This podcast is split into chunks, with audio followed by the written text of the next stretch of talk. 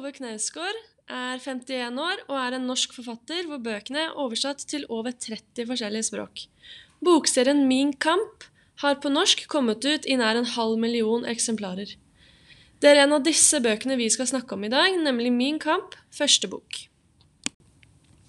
Carl Ove Knausgård, 51 år, er en norsk forfatter hvor bøkene er oversatt til over 30 forskjellige språk. Bokserien Min kamp har på norsk kommet ut i nær en halv million eksemplarer. Det er en av disse bøkene vi skal snakke om i dag, nemlig Min kamp, første bok. Hva er det egentlig Min kamps første bok egentlig handler om? Det er vel hovedsakelig egentlig hvordan han ser på døden. Ja, og litt sånn relasjonene hans til eh, faren spesielt, da. Det er jo noe som går gjennom hele boka. Mm. Ehm, ja, og broren, uh, det er også en av de relasjonene som vi får Eller Min kamp er jo en roman som handler om eh, Karl Ove. Om, den handler om han som person og hans syn på forskjellige ting. Ja, og det har jo vært veldig diskutert eh, rundt av media om det egentlig er en selvbiografi. Eh, og i et intervju med NRK så sier han jo at eh, nei, det er ikke noe selvbiografi, det er en roman om eh, noe som jeg har satt meg selv som hovedperson i, men at det ikke er Det er ikke faktisk alt som er sant, eller Mm. om at han mener at noe er fiksjon, da. Man hopper jo rett inn når man begynner å lese boka i et essay som handler om døden. Eh, og menneskers generelle syn på hvordan døden foregår, da. Ja. Og han forteller liksom at han syns dette er så rart. eh, hvordan mennesker liksom skal skjule alt som har med døden å gjøre. For det er jo liksom naturlig, da. Og han mener at folk liksom skal gjøre det så Ja, hva heter det? Man skal presse det, eller man skal fjerne det. Det er så tabubelagt, det der å ha De Ja. dekker til lik Ja. med en gang, og det er mange som ikke ser Mm. lik engang. Og så stiller han liksom spørsmål til oss om at hvorfor kan ikke disse likene ligge ute i offentligheten? Siden det er en naturlig ting. Det skjer jo med alle mennesker. Ja. Siden vi er liksom inne på dette temaet om døden, da, så kan vi jo hoppe litt mot slutten av boka, hvor eh, faren til Karl Ove dør. Um, og gjennom boka her så har vi jo uh, f altså fått et inntrykk om hvordan relasjonen til faren er, da. Mm. Siden han snakker veldig mye om det. Og den der måten med at uh, Da hopper man jo tilbake til starten av boka, når de sitter rundt kjøkkenbordet. Og den der med at eh, når moren ikke er hjemme, at faren gjør maten klar noen timer før, setter den i kjøleskapet. Det er ikke noe Det er ikke den derre hyggelige greia, da. Det, Det er blir ikke en sånn sånn sammensveisa familie. Nei, og blir en sånn der, De får en sånn dårlig aura når faren er hjemme. Mm. Og han virker veldig sånn som at han er veldig anspent og går med høye skuldre og går på tærne hver gang, Ja, at han mister seg rundt Ja. faren. eh, hver gang faren er i huset. Eh, og Ja. flytter ut når eh, broren, storebroren og moren flytter ut. Så flytter også Karl Ove nesten ut Ja, og er veldig lite hjemme. Ja. Eh, så, og boka også hopper jo litt fram og tilbake når han, fra barndommen og når han er voksen. Og har flytta ut og Og det virker også som for meg da, at eh, Karl Ove nesten er litt redd for faren. Mm. Fordi at eh, Jeg vet ikke, det virker som om man ikke kjenner han så veldig godt. Og da kommer vi tilbake til dette her med etter døden. da. Etter at eh, faren dør, så får han på en måte et helt annet syn på han. For han har jo på en måte ikke vært der for han som han ønsket. Og etter at han dør da, på en måte, han er jo lei seg, men han savner han jo ikke. Han sier jo også mot slutten at han ønsket han død. Fordi at han hadde skjært såpass ut som det han hadde gjort. da. Faren han hadde blitt alkoholiker etter at han og moren, hans, moren til eh, Karl Ove gikk fra hverandre. Dette med relasjoner eh, for Karl Ove tolker vi som at er litt vanskelig for han, og at han har vanskelig for å eh, få følelser og knytte seg til folk. Og det kan vi jo se når, han, når hun Linda han er sammen med, er gravid, og han sier jo selv at han det å vente barn, det er liksom ikke noe spesielt for han. Han klarer liksom ikke å vekke Det vekker ingen følelser for han. For de fleste andre så vekker jo det å få barn Det er veldig normalt at man gleder seg og har mange følelser rundt det og har mye tanker rundt det å få å skape et barn. Få et barn til verden. Han har jo mye tanker rundt alt annet, så jeg syns jo det er litt rart at han ikke har At det ikke vekker noe hos han med barn.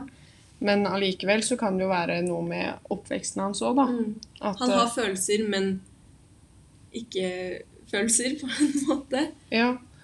Og det er, det er i hvert fall noe som gjør at jeg blir litt fascinert av han, da. At han har en sånn derre mur rundt seg, Mm. men viser fortsatt Han kommer ut med sånne ting som man gjør at man tenker at han er litt sånn umenneskelig, fordi han Sånn som det å få barn, det å ha en nær relasjon til familien sin. Sånne ting som er egentlig ganske normalt for andre, da. Gjør at det stopper opp hos han. Ja.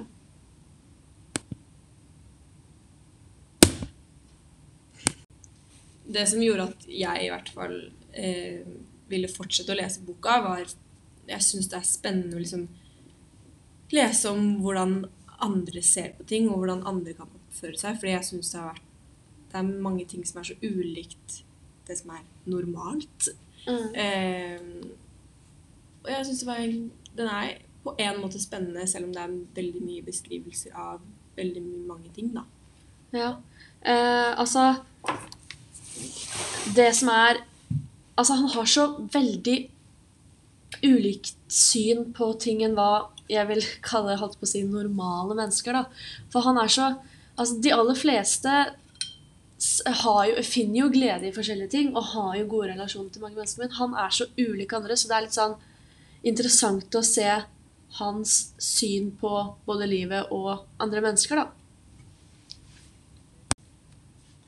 Eh, Det der med hva som jeg syns er spesielt bra eller dårlig eller med boka Det jeg syns kanskje var best, er at man blir satt inn i sånt, en sånn synsvinkel om at det på en måte egentlig alt suger. da, En sånn naturalistisk måte han har skrevet på. Veldig sånn mørk livsstil. Ja, Som gjør at man blir litt sånn uff da, hvordan skal dette gå? Mm. Fordi det er så tungt, da. Som gjør også at det, boka blir for så vidt ganske sånn tung å lese. Det er mye skildringer, men eh, skildringene som er, gjør at det, jeg også vil følge litt videre med i boka, da. Ja, han setter på en måte et bilde på situasjonen. Ja, Altså, det er lett, eh, Når han beskriver så mye, så er det lett å på en måte Når man sitter og leser og leve seg litt inn i det og se for seg situasjonen. Mm.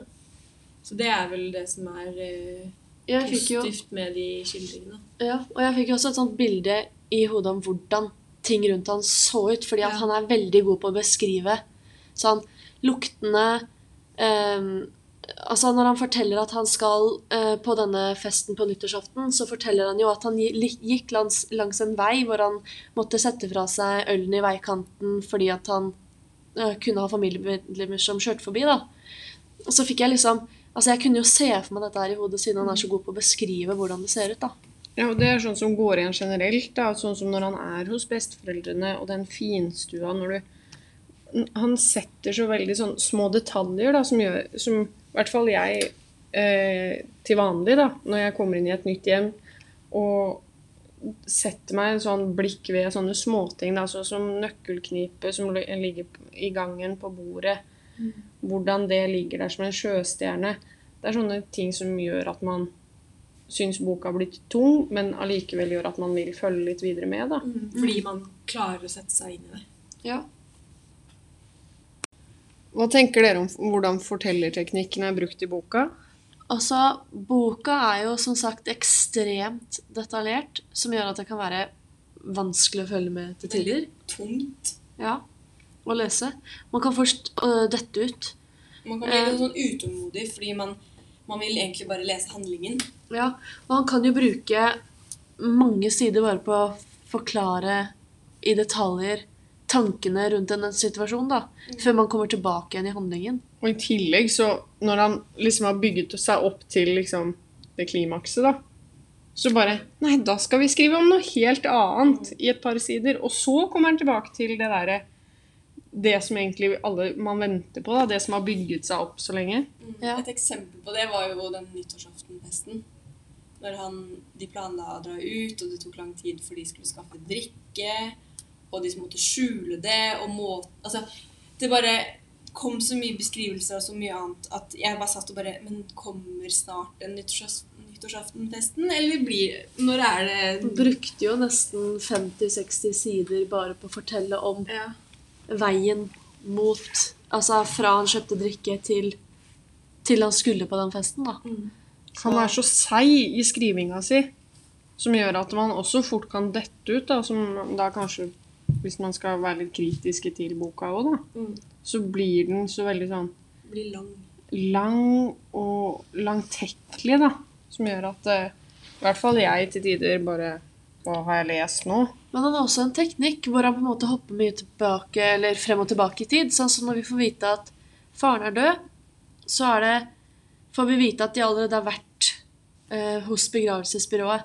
Mens etter det så forteller han alt som har skjedd før faren dør, frem til han får vite det. Så vi på en måte um, Han hopper tilbake i tid etter at han har sagt hva som faktisk har skjedd. Sånn at vi må Det er på en måte ikke noe å se frem til, da, for han har allerede sagt det. Ja. Og så Ja. Så hvis vi skal hoppe litt til slutten av boka, når eh, det nærmer seg begravelsen, Yngve drar hjem igjen, Karl Ove blir sittende alene med farmoren sin eh, Ting fungerer egentlig ikke. Det virker så tomt, da. Det virker så overfladisk, det er sånn de holder på. Ehm, så Karl Ove tar og blander en drink til både han og farmoren, fordi det viser seg at mest sannsynlig så er også farmoren blitt alkoholiker da, etter at Eller samtidig som faren døde. Og eh, dagen etter at de Eller etter at de har tatt den drinken, da, så ringer Eller to uker etter det, så ringer Karl Ove til begravelsesbyrået og spør om han kan få lov til å se faren en siste gang før han begraves. da.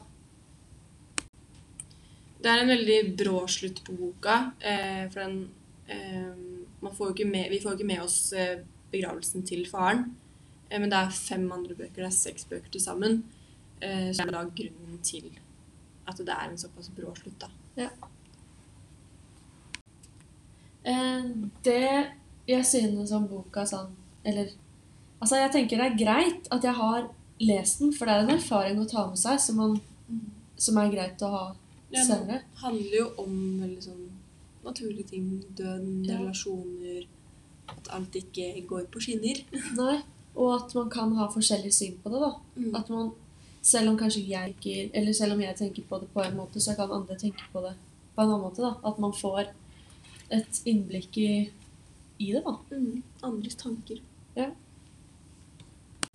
Du har nå hørt på en podkast av Marie, Nora og Nora. Takk for oss!